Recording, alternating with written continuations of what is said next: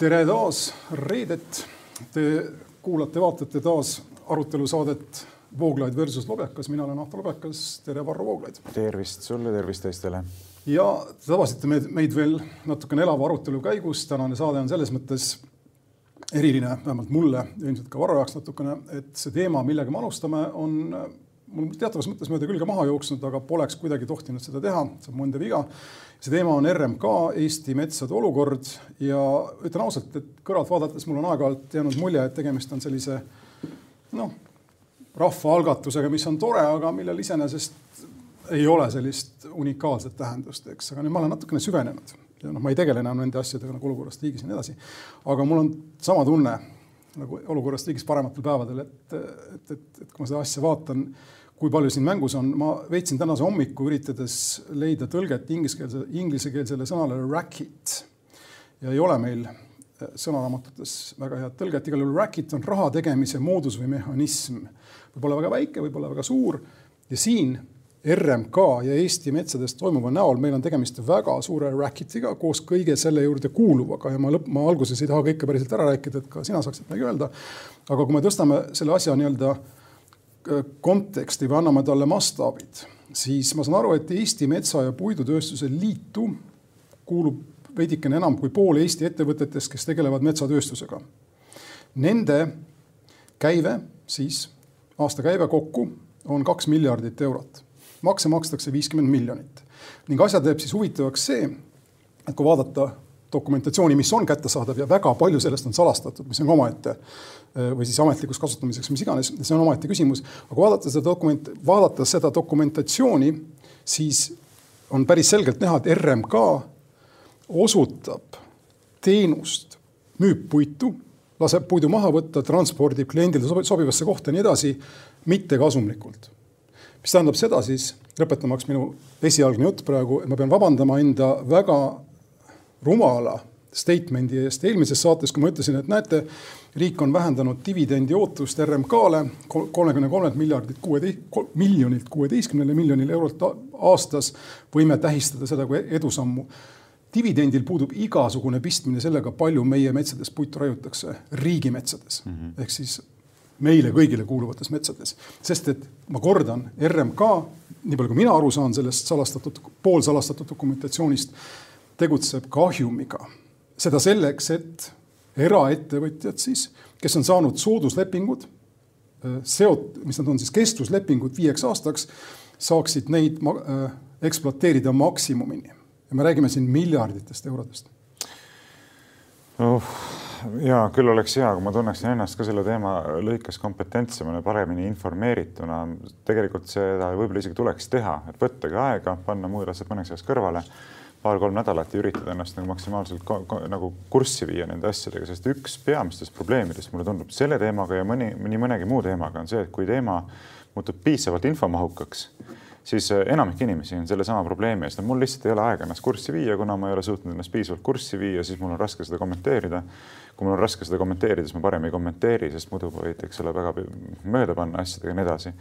aga tegemist on, et tegemist on sedavõrd olulise probleemiga, siis äh, siis siin on ka tõsine mõttekoht, et kuidas sellest üle saada, eriti selles tingimustes, kus väga palju infot on ka salastatud ning äh, see enese kurssi viimise protsess ei ole sugugi lihtne, eks, kui sa tahad nagu seda infot kätte saada, mis tõesti on olulise tähtsusega aga seda enam ma ütlen, et kuna sinu kätte on jõudnud sellist väga väärtuslikku informatsiooni, siis ma hea meelega äh, oleksingi selle teema käsitluses vähemalt, mis puudutab info esitamist nagu pigem kuulaja rollis ja sa võiksid nagu lähemalt rääkida, aga ma võib-olla paari küsimust kohe sõnastaksin seonduvalt sellega, mida sa, mida sa mainisid. esiteks ma arvan, et võib-olla võta, võta, et mõningalgi kuulajal võib tekkida see küsimus, et, et aga kuidas nad siis suudavad üleüldse seda kasumit näidata kogu see tegevus on kahjumlik, eks, et formaalselt nad ju suudavad mingisugust kasumit näidata, et sa võiksid sellest paari sõnaga rääkida.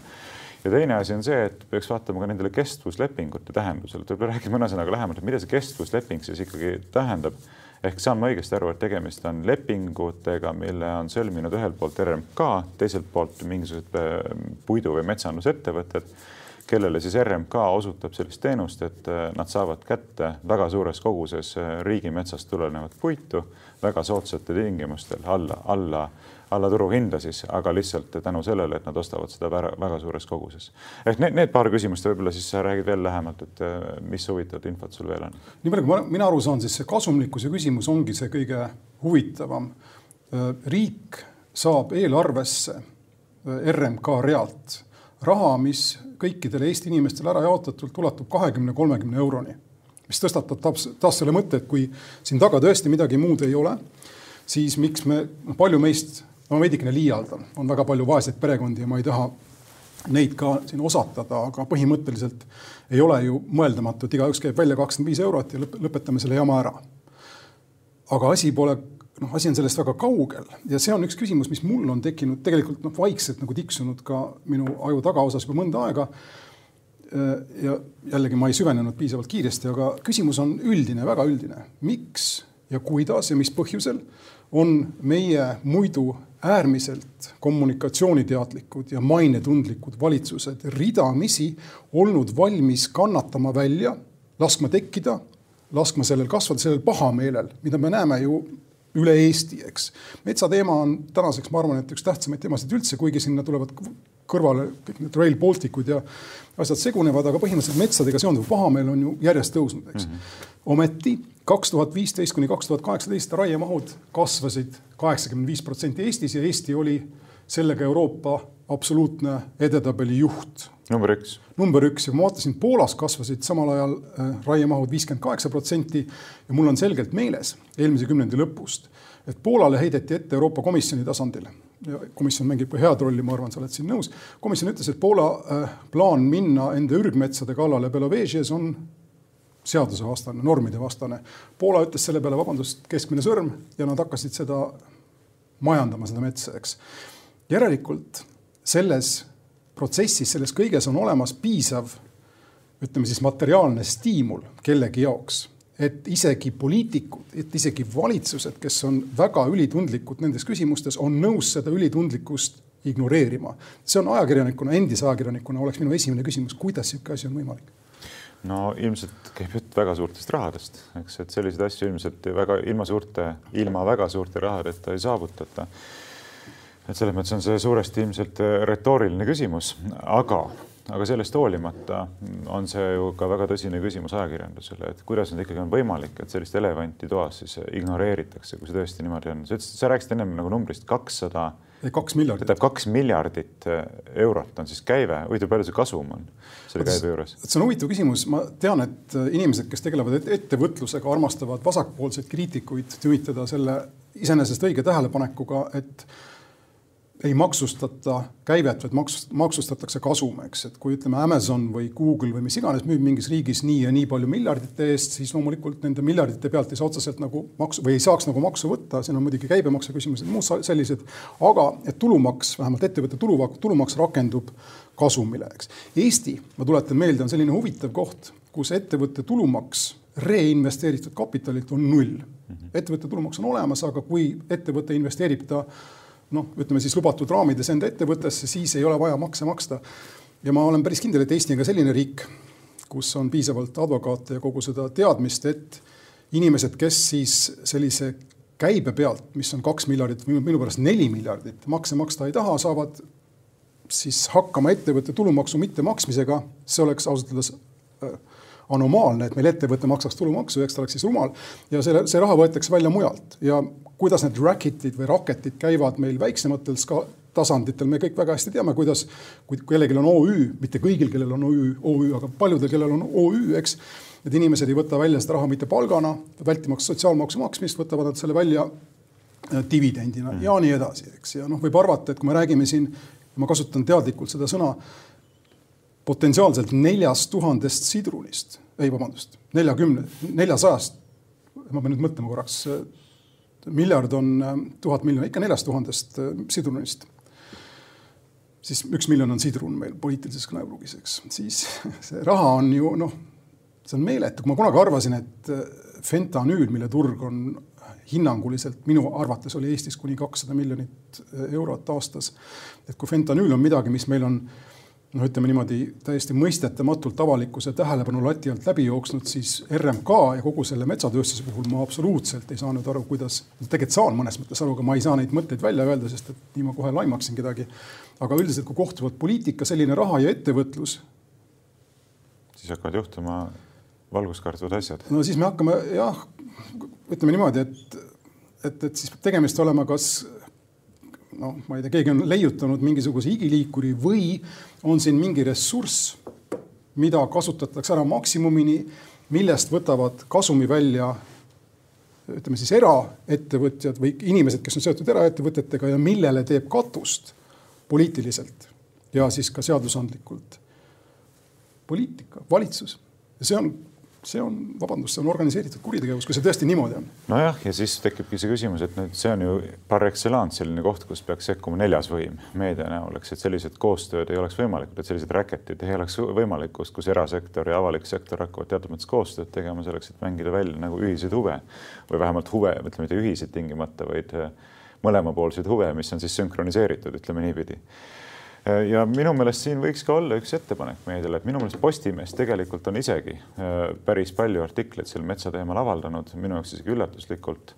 aga ehk oleks mõistlik nüüd tõsiselt kaaluda seda, et lülitaks sisse järgmise käigu, et moodustaks näiteks Postimehe raames või miks mitte mõne teise väljaande raames, aga noh, palju meil neid ikka on, neid suuremaid väljaandeid, sellise ajakirjanike töögrupi kelle kohta ütelgi, näed, siin on viis võimekat inimest ja nemad nüüd keskenduvad järgmised aasta aega ainult sellele teemale, et uurida, puurida, minna süvitsi, nendel on iganädalased saated, siin neil on oma mingisugused küljed väljaandes, oma mingisugune blogi, kus avaldatakse pidevad teabenõuded, selgitustaotlused, kasvõi kohtuasjad, et mingid dokumendid saaks riigisaladuse alt välja, et need oleks avalikkusele kättesaadavad, peaks juriidiline tugi olema taga.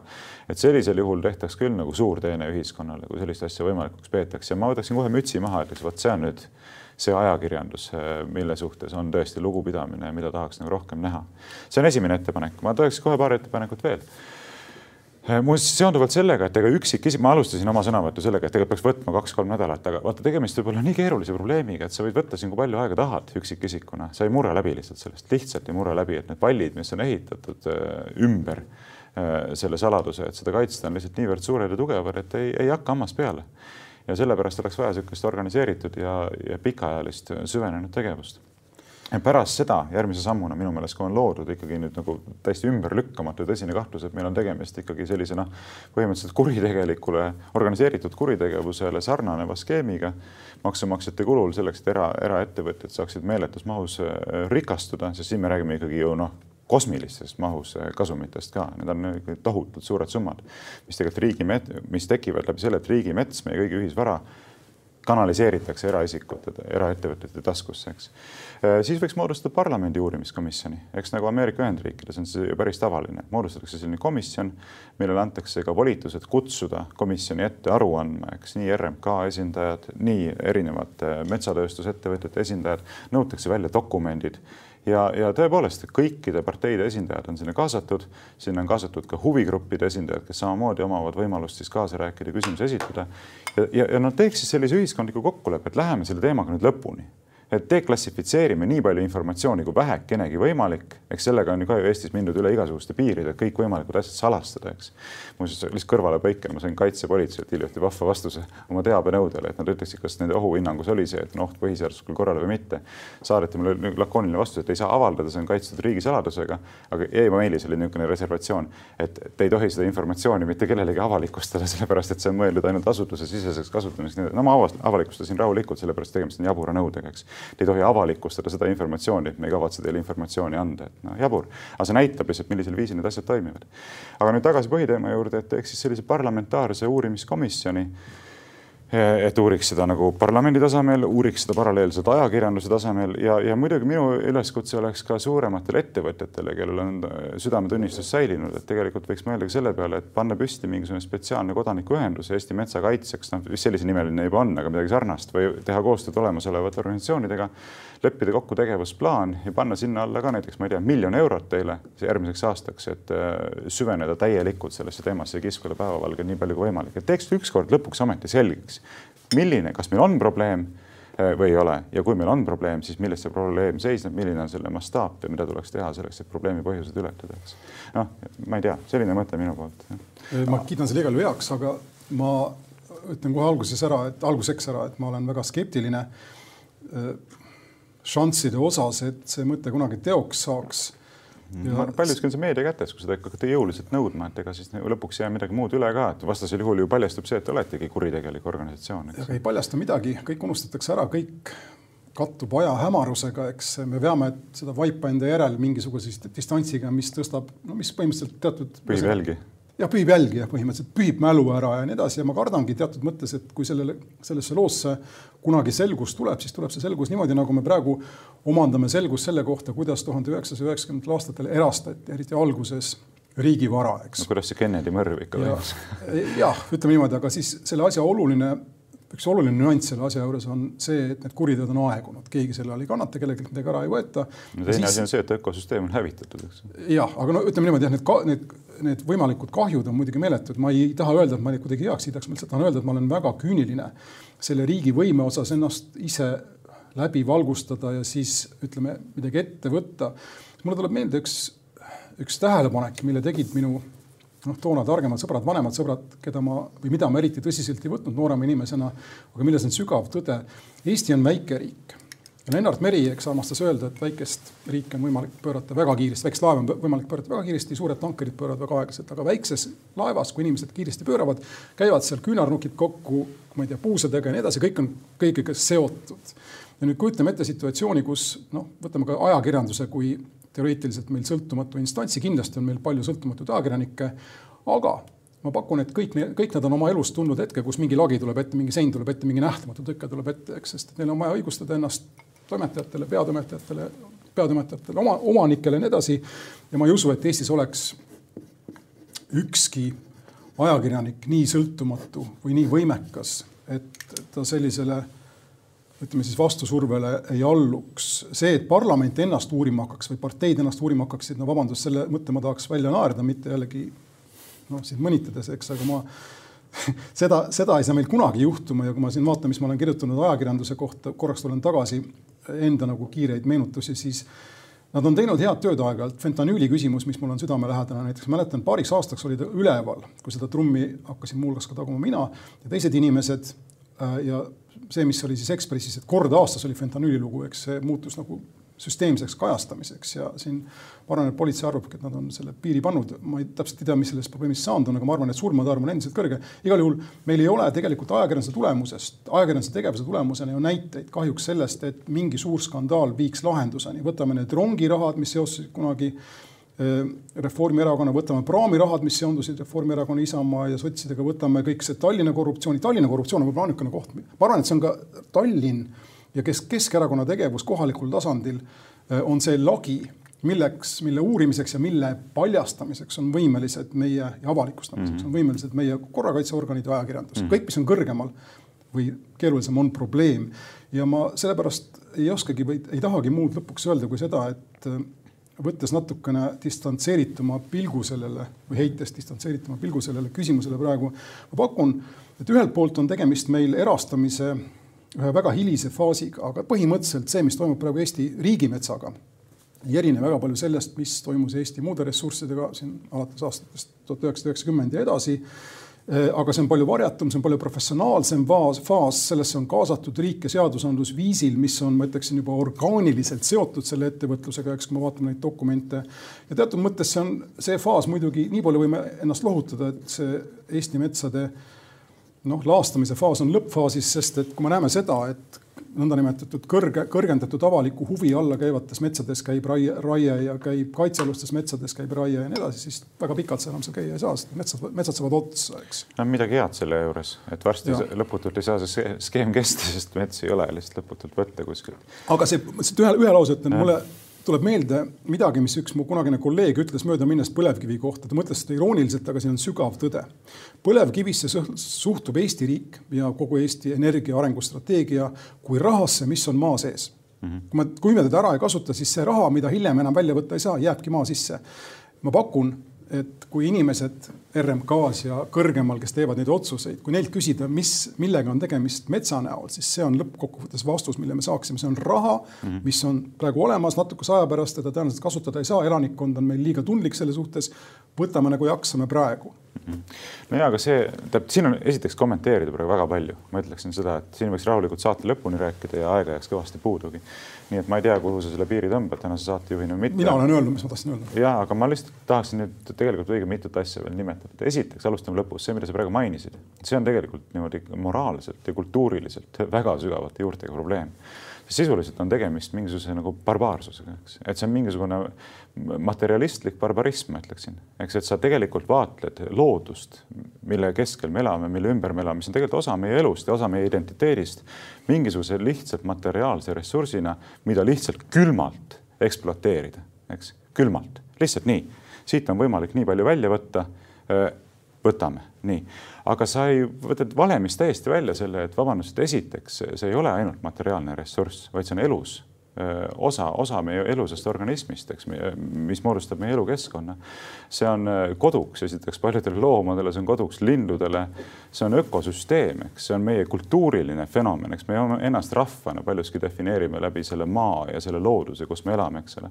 ja ühesõnaga minu meelest see on niisugune noh, täielik barbaarsus, ma ei oska selle kuidagi nagu teistmoodi kirjeldada ja, ja kogu seda barbaarsust, eks ole, siis üritatakse veel looritada või ilustada selliste nagu noh, loosungitega sellest, et ei noh, mets on ikka üleküps ja niimoodi me peame ikka hoolitsema metsa eest, et see, et ma, ma ei saa üldse aru, mis jutt see selline on, et noh, ma ei tea, kas näiteks Amazoni vihmametsad, et millal need üleküpseks said, et kas tuleks maha tõmmata siis või? et noh ma olen sinuga põhimõtteliselt mis jutt see selline on? see argument ongi ju see lõppkokkuvõttes, eks, et mets kasvab tagasi, metsa tuleb majandada ja kui sa, kui sa ütlesid siin, sa oled kaks korda vähemalt viidanud sellele, kui keeruline seda kõike on mõista, mis siin toimub ja loomulikult ei ole see ju lihtne, kui RMK ise tellib reklaame, kus on kliimakangelased mootorsaagidega, eks.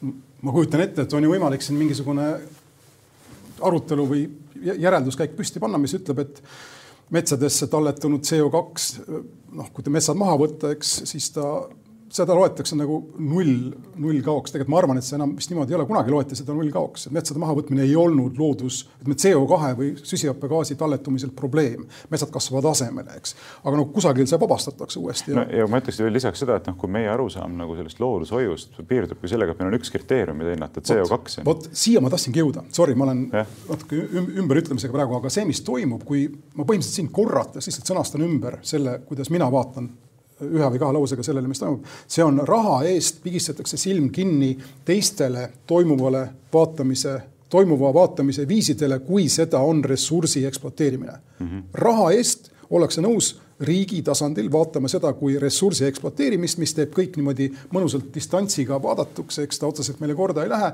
ja kõikidele teistele mõistmisvõimalustele öeldakse aga me oleme kinni makstud, me teid ei arvesta. Ja see on tõesti barbaarsus, aga noh, see, see, see on üldiselt lääne tsivilisatsiooniga kaasas käiv tendents, lihtsalt mujal avalik huvi ei lase ennast niimoodi tüssata nii kergelt kui Eestis. Mm. -hmm aga noh, ütleme, see on tõesti primitiivsus ja, ja, ja barbaarsus selles mõttes, et äh, igasugune jutt mingisugusest rohepöördest näiteks selles kontekstis, kus me ise hävitame oma loodust, eks, et ei, paneme ikka mingid uued normid kehtima, samal ajal nagu metsikus koguses hävitame omaenda elukeskkonda, noh, on täiesti noh, lihtsalt nagu ma ei tea, infantiilselt naeruväärne lihtsalt, et see on, ma ei teagi, mida, mida noh, võib-olla keegi ütleb, et nüüd sa kasutad liiga tugevaid termineid, ma ei oska öelda midagi paremat, noh, et see on mõistusevastane lihtsalt. ma arvan, et need tugevad terminid olid organiseeritud kuritegevuse tõstatamine selles kontekstis, kui, kui üldse. no meelest on, ütleme, see ei pruugi olla seaduse mõttes kuritegevus, aga lihtsalt see, et kui on, meil on riigimets, mis on meie kõigi ühisvara, seda parseldatakse metsikus koguses eraettevõtjatele ülimadalate hindadega, rohkem kui vähem kui pool turuhinnast, kes võtavad selle arvelt välja tohutuid kasumeid, müües sedasama puitu muuseas sageli põhimõtteliselt toorpuiduna väljapoole Eestit, siis minu meelest see on organiseeritud kuritegevuse vorm. meie kõigi vara lihtsalt kanaliseeritakse eraettevõtete taskusse. puidu hind, puidu hind on tõusnud, ma saan aru, viimase viie kuni kümne aasta jooksul kahe kuni kolmekordseks. selle ärimaht on selle võrra intensiivistunud, intensiivistunud ning selle kasumi suurust ja suuremat atraktiivsust ju peegeldabki see sama statistiline fakt, mille ma siin välja käisin ka, mis on olemas ajakirjast Nature, ajakirjas Nature kaks tuhat viisteist kuni kaks tuhat kaheksateist võrreldes eelneva kümne aastaga kasvas Eestis raiemaht kaheksakümmend viis protsenti. ma vaatan, ma olen kirjutanud endale välja märksõna nafta. see, mis Eestis metsaga tehakse, on see, mis Nigeerias tehakse naftaga. siin, siin ei ole põhimõttelist vahet. jah, jah, aga no mis see teeb meie maaga, mis see teeb meie loodusega, noh, ütleme. no täpselt, Nigeerias on, on ökokatastroof. ega see väga ilus välja ei näe selleks. aga see on ressurss, mis lihtsalt põletatakse ära, sest et kusagil selle eest makstakse mm. -hmm ja noh, siis ongi see, et me seisame silmitsi sellise mingi suhtekorraldusliku tegevusega pidevalt, kuhu läheb ilmselt ka päris suur raha nagu selle, nende huvigruppide poolt, mis ütlevad ei, et näete, statistikapõhiselt Eestis on ikka metsamaa üldse kasvanud, mitte vähenenud, eks ole aga samal ajal vot siis tekibki see küsimus, et kas ma elan mingisuguses nagu paralleelreaalsuses või kus ma elan, kui ma sõidan mööda Eestit ringi, ma ju näen, noh, ma olen ka nelikümmend aastat vana, ma olen, mäletan, kuidas lapsepõlves meil maa välja nägi. ma tean, kuidas see nüüd välja näeb ja ma tean, et seal on tohutu kontrast, noh, kole on lihtsalt. ma ikkagi luban siin lõpetada järjest, aga ma ütlen nüüd. mina ei luba veel. võib-olla veel enda viimase lause, sinu üleskutse nagu ütleme, minu versioon oleks see, ma ei usu ajakirjandusse vabandust, ma ei usu poliitikutesse ja nii edasi, aga mida ma arvan, et on võimalik nõuda ja tegelikult päris huvitav oleks näha, kuidas sellele ei öeldakse. tehke RMK kogu paberimajandus ja rahamajandus avalikuks kui kasvõi need kestvuslepingud, saan ma aru, ei ole avalikud, me ei tea, milliste firmadega need on sõlmitud, tehke need avalikuks. no mina ei saa üldse aru. alustame sellest. kuidas see võimalik on, et kui me räägime meie ühisvara mahamüümisest, siis kuidas saavad sellised lepingud salastatud olla? aga see peaks olema lihtne nõudmine, ei mingit komisjoni, mitte midagi, lihtsalt tehke see avalikuks. absoluutselt. kõik, kes tahavad, saavad vaadata, mis toimub. nõus ja ma teen omalt poolt lõpetuseks ka ühe ettepaneku, et siis saame, noh, kui soovid kokku tõmmata, et äh, ma ikkagi tuleksin selle juurde tagasi sa ütlesid, parlamendikomisjoni moodustamine on noh, ebarealistlik. ma arvan, paljuski on see. ei, vastupidi, komisjon moodustatakse. aa, sest ei ole kasu, et. see komisjon teeb kõik selleks, et ennast matta okay, mulle okay. alla. tõsi, tõsi. Aga ütleme nii, et ma arvan, et paljuski see sõltub ka sellest, kui suurt survet suudab äh, avaldada kodanikuühiskond ja meedia, ajakirjandus. et kui ikkagi avaldada väga tõsist ja väga süstemaatilist survet, et ei, nüüd tuleb teha, siis vähemalt selle komisjoni tegevuse käigus selguks, kes reaalselt on huvitatud selle probleemiga tegelemisest, kes mitte. ja see oleks ka väärtuslik informatsioon, et see järgmiste valimiste. see mõte sulle üldse ei meeldi, aga ma arvan, et ainukene viis, ainukene lootus, mis meil oleks, oleks siis, kui maailmas oleks olemas organisatsioonid, mis, mida huvitab mets ja metsa ekspluateerimine samal tasemel, kui on olemas organisatsioonid nagu Amnesty International. mida ütleb Amnesty inimõiguste kohta, seda võetakse väga tõsiselt. kui oleks olemas selline rahvusvaheline organisatsioon, mis ütleks metsa kohta sama autoriteetselt, siis oleks valitsus sunnitud seda tõsiselt võtma, enne ei juhtu midagi ja, aga ma lõpetan oma mõtte ära, kui lubad, kuhu ma tahtsin tegelikult jõuda läbi selle, on see, et ma ikkagi teeksin ettepaneku selle, et kui on nüüd see ajakirjandus väga tõsise töö sel teemal teinud, kui on poliitilisel tasandil tehtud, siis minu meelest võiks see protsess päärida ka väga selgelt rahvahääletusega. lihtsalt, et kas me tahame rahvana, täiesti kohane küsimus, ma just panen rahvahääletusele, näiteks kaks küsimust. esiteks, kas me rahvana äh, tahame, et meil oleks kevaditi pesitsusrahu ma just täna hommikul kuulasin ühte Hasso Krulli kõnet, mis ta seal Paides pidas, ütles, et see on lihtsalt nagu hakklimasin. see oli väga muljetavaldav, aga see on ka üks näide sellest, kuidas ja miks meil mõtlevaid inimesi enam ammu ei kuulata. Nojah, aga, aga, aga probleem on väga tõsine, eks, et kas me, ongi, enamik inimesi tahab, et kevadel sel ajal, kui on lindude pesitsusaeg, ei tohi metsa raiuda lihtsalt, kõik mind ei huvita, kas teil on mingisugused lepingud, asjad nii, see on rahvahääletuse otsus, rahvas kui kõrgema riigivõimu kandja on otsustanud ja nüüd on nii. see on uus normaalsus. okei okay,, sellega ma oleks nõus. hästi-hästi konkreetne küsimus, kuupäevast kuupäevani ühtegi puud, ühtegi oksa maha ei võeta. täpselt nii ja ma paneks teise küsimuse sinna veel, kas olete nõus sellega, et Eestis veetakse välja toorpuitu? Et see oleks väga hea asi, ei vii, toorpuitu välja ei vea, tahad midagi välja vedada, peab mingi produkt olema. ja aga kui, kui see näiteks on graanul. no minu meelest jah, peaks mingi piiri kuskile tõmbama, et, et teeme toorpuidu hästi pisikesteks tükkideks, siis ta on juba toode, eks ole. ta on ju kokku pressitud, siis ta pole enam toorpuit, eks ma ei kujuta, ühesõnaga graanul on üks suuri probleeme, ma saan aru. nojah, aga äh, mina ei lubaks seda välja vedada, see on meie rahvus, rahvuslik ressurss ja see jääb siia, ei lähe niimoodi. aga tuleb välja. hiinlastele kuskile. ma ikka ei, ma ikka ei suuda lõpetada, aga mis mind rabab selle juures on see, et aeg-ajalt ma mõtlesin et no okei okay,, võetakse Reformierakond maha, tulevad teised valitsused ja kõik saab avalikuks, mis siis juhtus. ei ole, tuli Keskerakond, kõik on endiselt varjatud, kõik on endi-, kusjuures metsa raiumine kiireneb. ei ole ühestki parteist lootus, lootust meil, et need võimule saates, saates midagi muudaks. no ei tea jah, ei vist ei ole kellestki teisest lahendust loota kui meie saatest, peame ikka mina ei tea, no ühesõnaga see on ka selline teema, millest võiks rääkida ilmselt väga pikalt, seda enam, kui hakkaks nüüd nagu ennast nagu faktiliselt asjadega nagu paremini kurssi viima, et saaks rääkida ka detailsema, suurema detailsuse astmega. aga no lubame vähemalt seda, et me tuleme tagasi selle teema juurde. jah, kui, kui antakse võimalus, siis tuleme. nii, teeme väikese vahe.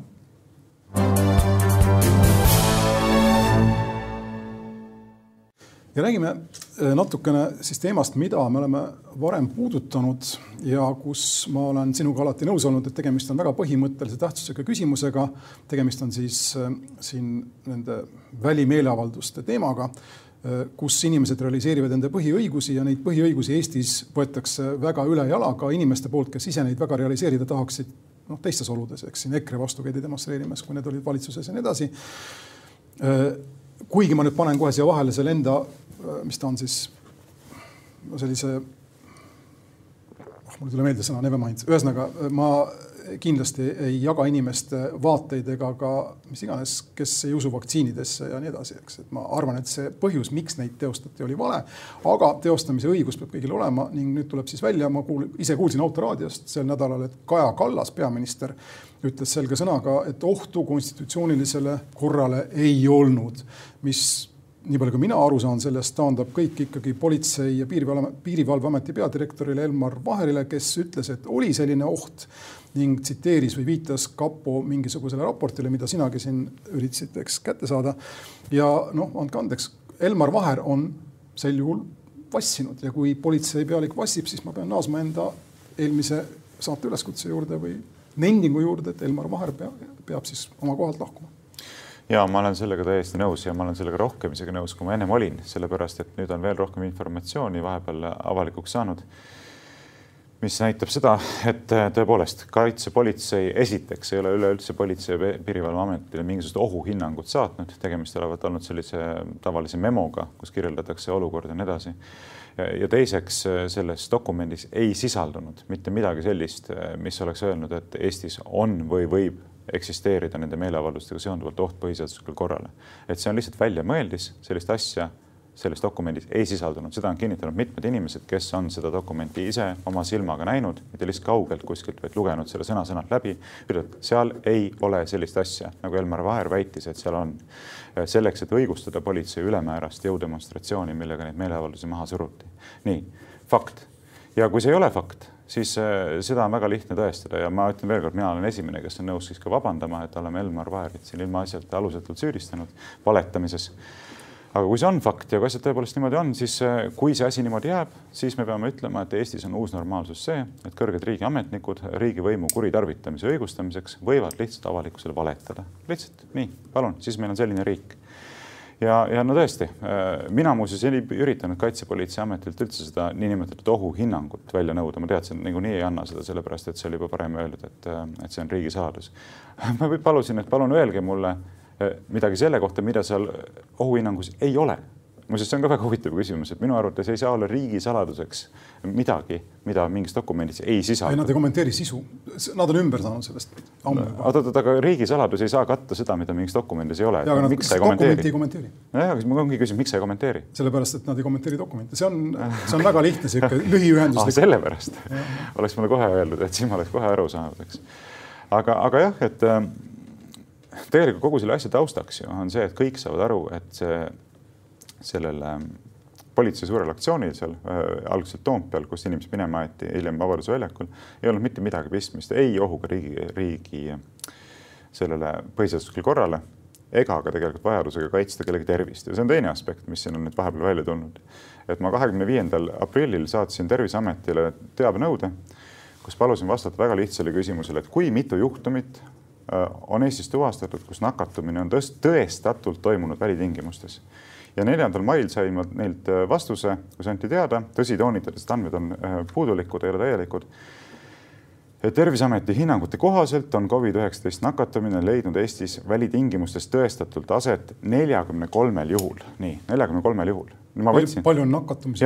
viienda mai seisuga oli neid sada kakskümmend kolm tuhat kolmsada nelikümmend neli registreeritud juhtumit, nii Äh, mis tähendab seda kiire arvutuse kohaselt, et selle päeva nende numbrite kohaselt siis on tuvastatud nendest kõigist nakatumisjuhtumitest null koma null kolmkümmend neli protsenti välitingimustes. aga et olla täiesti aus ja õiglane, siis nad ütlevad vist ka, et kümmekond tuhat või rohkem juhtumeid ei ole kunagi ütleme siis allika mõttes tuvastatud. ja võib veel ausam ja täielikum olla, öeldes seda, et nad alles äh, käesoleva aasta algusest al hakkasid süstemaatiliselt kontrollima, et kus siis juhtum on aset leidnud, et selline ülesanne püstitati, aga fakt faktiks jääb see, et teil ei ole infot rohkem kui neljakümne kolme nakatumisjuhtumi kohta välitingimustes, mis teisisõnu tähendab seda, et teil ei ole mitte mingisugust faktilist alust väita, et eksisteeriks suur viiruse leviku oht välitingimustes. ei ole, sellist faktilist alust ei ole, teaduspõhist, faktipõhist alust sellise väite esitlemiseks tegelikult ei ole, ehk järelikult see, mida te olete väitnud, on puhas spekulatsioon, aga ma ütlen ühe lause veel mis omakorda osutab sellele, et kõik need piirangud välitingimustes on olnud põhiseaduse vastased sellepärast et need on spekulatiivsel alusel, teil ei ole mitte mingisugust faktilist alust väita, et sellised piirangud oleksid reaalselt vajalikud selleks, et saavutada seda eesmärki, et viirus ei leviks. viirus levib siseruumis, nagu sa Raadio kahes oma saates ka ju vahendasid seda Saksa aerosooli teadlaste kirja Angela Merkelile, mitte välitingimustes. järelikult need piirangud on olnud ilma faktilise aluseta. Eestis on kõrge ametnik Kadai, kes oli, ma saan aru, selle ala spetsialist kuni viimase ajani, öelnud sedasama nüüd viimase nädala või kahe jooksul, et see ei ole ka Eestis uus, aga ma pakun sulle, et jällegi mida sa siin näed, mille objekt sa oled enda katsetes seda kõike siin argumenteerida, on üks gigantne kommunikatsiooni strateegia, PR-strateegia ning miks ma seda ütlen, on, on, on põhjusel, et seesama terviseteema loomulikult on äh, viigileht siin pole mingit kahtlust, äh, see on üks noh, nii-öelda mõistlikuna tundunud põhjus, millega katta politsei tegevust. nendel hetkedel mul on meeles ka see, et Kaja Kallas ütles enda äh, intervjuus, et kuigi ohtu põhiseaduslikule korrale ei olnud, siis politsei käitus provokaatorite suhtes leebelt. no millised olid need provokaatorid, ma tahaks teada, ma ei tea, kui aus olla, aga ma kahtlen, et ma ei oleks kusagilt näinud vähemalt viiteid siis äh, relvastatud inimestele, midagi sarnast. ja ma, ma tean, tean ka seda, et selle kommunikatsioonistrateegia, kui ma loen neid dokumente, eks, üks huvitav termin tuleb seal nüüd üles.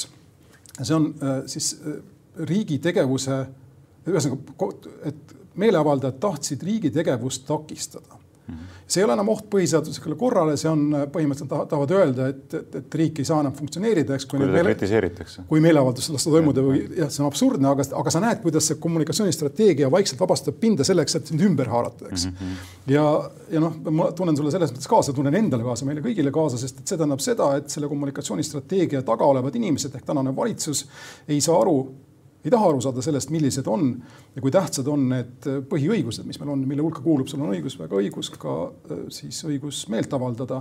aga riigi tegevuse takistamine on ju midagi, mille alla võib koondada ükskõik mille täna no,. ma tahan, ma tahan selle mõtte nüüd Vaheri juurde tagasi tulles ära lõpetada.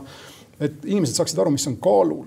kaalul on ühel tasandil see, et politsei ja piirivalve, piirivalveameti peadirektor, kes on otsesesse vastuollu läinud peaministriga, ehk siis peaminister ütleb ühte, ei olnud põhiseaduslikule korrale ohtu ja PPA direktor ütleb teist, et oli põhiseadus, põhiseaduslikule korrale oht. sellist vastuolu tegelikult ei tohiks olla ja. ja dokument, millest saaks teada, kummal on õigus, see on riigisaladus. aga ühesõnaga, et juba, aga isegi avalike, avalike ütluste tasandil ma ütleksin, et PPA juhil tuleks normaalses riigis lahtuda, lahkuda, sest et ta ei ütle sama, mida ütleb peaminister sellises tähtsas küsimuses.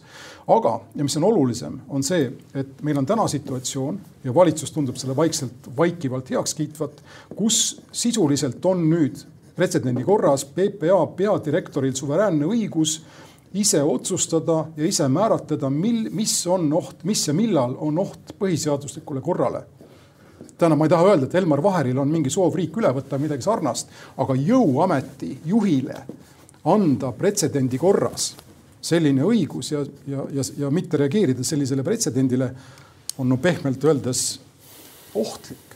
jah, jah, absoluutselt. Ja, ja noh, ma veel kord, ma olen siin saates vist varem ka seda öelnud, et eh, seaduse kohaselt peaks Politsei- ja Piirivalveameti kui siseministeeriumi haldusalas tegutseva ameti üle teostama järelevalvet, kes? Siseministeerium, eks siseministeeriumit juhib paraku inimene, kes alles hiljuti oli veel Elmar Vaheri alluv politsei- ja piirivalveametis, eks Põhja prefektuuri juhatajana või mis on see prefektina või kuidas see ametinimetus on. ehk teisisõnu, kogu see järelevalve teostamise mehhanism ju põhimõtteliselt ei teostu sellises olukorras, kus järelevalvet kellegi suhtes peaks teostama see, kes on pikka, pikki aastaid ja kuni hiljutise ajani töötanud järelevalvatava alluvana. no see on üks asi, aga siin on suur printsiip, mis on mängus, on tsiviilkontrolli toimimine mundreid kandvate organisatsioonide üle. No, ja siin see ilmselgelt ei toimi. politsei võtab üle lihtsalt. osaliselt põhjusel, mille sa oled siin jah esile toonud. et äh, meil ei ole nii, et politsei allub nüüd äh, siseministeeriumile, vaid siseministeerium sisuliselt allub politseile, noh, mitmete märkide kohaselt, eks, et siin võib muidugi loomulikult minna nagu äh, detailsemaks selles analüüsis, aga probleem on täiesti reaalne ja väga tõsine aga muuseas, ma mainin veel kahte asja kiiresti seonduvalt selle, mida ka sina ka juba puudutasid. esiteks, me räägime kogu aeg seda kapo seda ohuhinnangut või noh, niinimetatud ohuhinnangut ei saa avalikustada, sest see on riigisaladus. jällegi me nagu juba käsitleme aktsioomina seda, et see peakski olema riigisaladus onju. aga Martin Helme vist ka kusagil postituses osutas sellele, et olles lugenud seda dokumenti, ma ei saa absoluutselt aru, miks see peaks olema salastatud. see ei paljasta mingisuguseid kapo allikaid, see ei paljasta kapo töömeetodeid, see ei paljasta mingisugust infot selle kohta, et kus on mingisugune oht põhiseaduslikule korrale midagi. seal ei ole mitte midagi salastamisväärset usaldusväärselt, miks see peab olema nii rangelt, eks nagu see, et kes võttis välja selle eh, veebfondist raha, eks ole, et see on riigisaladusega kaetud, et ei tohi avalikustada, no mina ei saa aru siuksest. ma võin sulle seletada, see on selline loogika, mis on jällegi noh, mitte isegi maha müüdud, vaid mis on kehtestatud ja mida rohkem ta toimib, seda rohkem tekib mulje inimestele, et nii peabki olema, eks. see loogika on see. umbes nii, et me oleme saanud. et ma siin... ütlen, mis teemal ma üldse ühtegi kommentaari ei anna negatiivset ja positiivset ja sellised teemad on tavaliselt rahvuslik julgeolek, eks.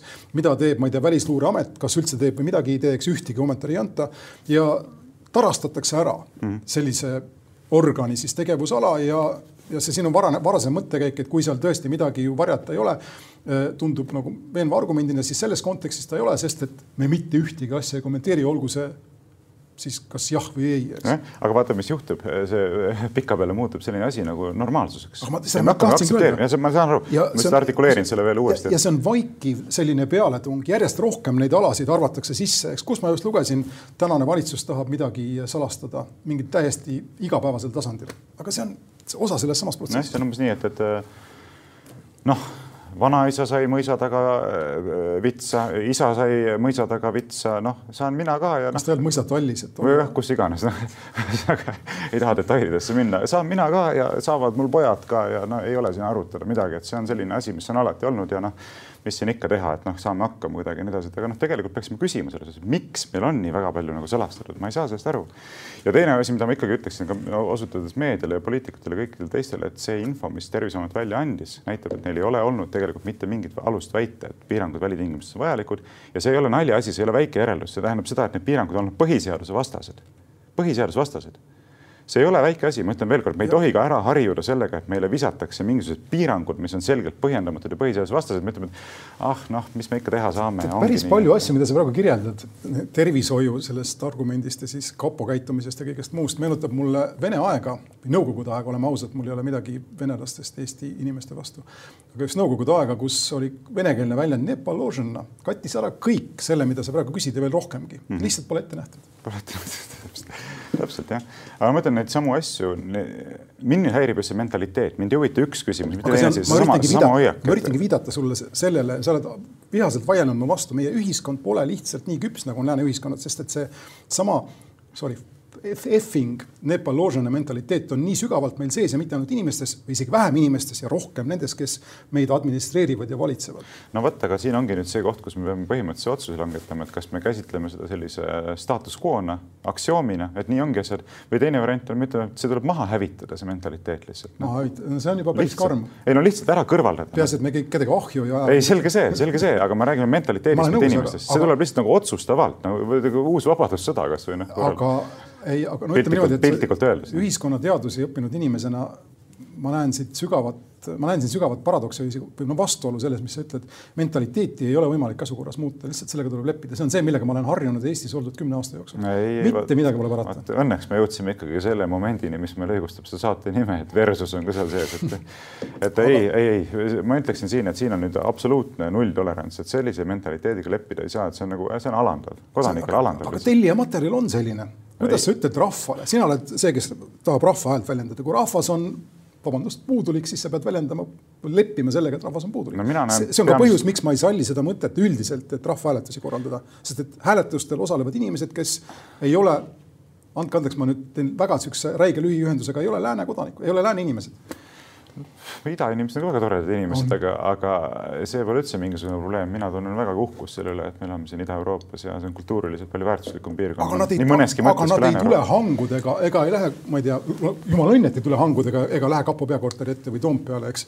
ja selles mõttes ma olen sinuga nõus, et kes läheb, kes mentaliteeti tuleb muuta, aga noh, meil ei ole. jah, see on see, politsei ütleb sulle sama, rahva lihasmälu, kui sa räägid tavaliste politseinikega, eks lihasmälu tuleb ümber harjutada, mis iganes see on see, et noh, et kui liikluskultuur ei muutu enne, kui inimesed ise, ise õpivad sõitma aeglaselt, eks. minu jaoks on see absurdne, milleks meil üldse riik ja kord on siis, kui seda ei, ei, ei teostata. aga ma loen näiteks, ma ütlen liikluskultuuri osas jalgratta, jalgrattur jääb autole ette, no tuleb aeglasemalt sõita, tuleb kanda kiivrit, eks, sest et auto on ikka olemas. osa sellest absurdist aga noh, ma ütlen, ma sellega siiski ei ole nõus, küsimus ei ole primaarselt rahvas, küsimus on selles pealisehitisest, millega me silmitsi seisame, see on poliitiline bürokraatlik pealisehitis, millega see probleem seondub, lihtsalt on vaja rahvast koondada, selleks ongi vaja tõelist kodanikuühiskonda, selleks on vaja ajakirjandust, mis tegutseb nagu äh, kohusetundlikult ja järjepidevalt, et survestada seda pealisehitist modifitseeruma, muutma ennast sellisel viisil, et saada lahti nendest oota, ma lõpetan selle mõtte ära, saada lahti nendest omadustest, mis on täiesti välja kannatamatud. see on kiiduväärne mõte sul, aga sa jälle eirad seda fakti, igal pool üle maailma tõestatud fakti, et altpoolt tulevad ninamehed, kes upitatakse üles masside poolt, panevad turni jõudes endale lipsu ja selle, mis ta on, homaari söömise rätiku ette ja võtavad kahvli ja noa ja ütlevad tere, rõõm siin olla. no see ei pea nii olema no,. see väga sageli on nii olnud, aga, aga mitte ka alati. no see on ka see mõte, eks, et revolutsioonid midagi muudavad ja sellesse ma ka ei usu, see on, ikka juhtub seesama, eks, et tuleb Nõukogude Liit ja seitsekümmend aastat pidurdab lihtsalt arengut või noh, lihtsalt elu, eks ma ja noh, ma vist kardan, et ma ei tohi praegu enam äh, mingisugust uut äh, lõiku siin avada, sest me ületame muidu saate, saate aja. Äh, muuseas, palju õnne, meil on täna juubelisaade, viiekümnes, nii et palju neid saateid veel tuleb, eks seda näitab aeg, aga igal viiskümmend tükki on tehtud ja päris oluline verstapost. no ei saa öelda ka, et me oleksime saatega nii-öelda nagu abielus, sest et me täna vähemalt võtsime päris riskantse positsiooni, olles nõus riskima sellega, et vaata, vaatame, mis saab ja me oleme omavahel siin spekuleerinud, et kõige, kõige toredam lahendus oleks see, kui mingil hetkel selguks, et liiga äärmuslikud vaated on nii Vooglaiul kui ka Lobjakal see on ju aktsioom, aga kuidagi nad mõlemad ei, on ühte väravasse või ei sobi üldse. jah, no vaatame, vaatame, kuidas selle asjaga läheb. nii, aga oli meeldiv, ma saan öelda. samad sõnad. teemad olid olulised ja keskustelu oli põnev. põnev. nii et, et suur tänu kuulamast. jääme kuulmiseni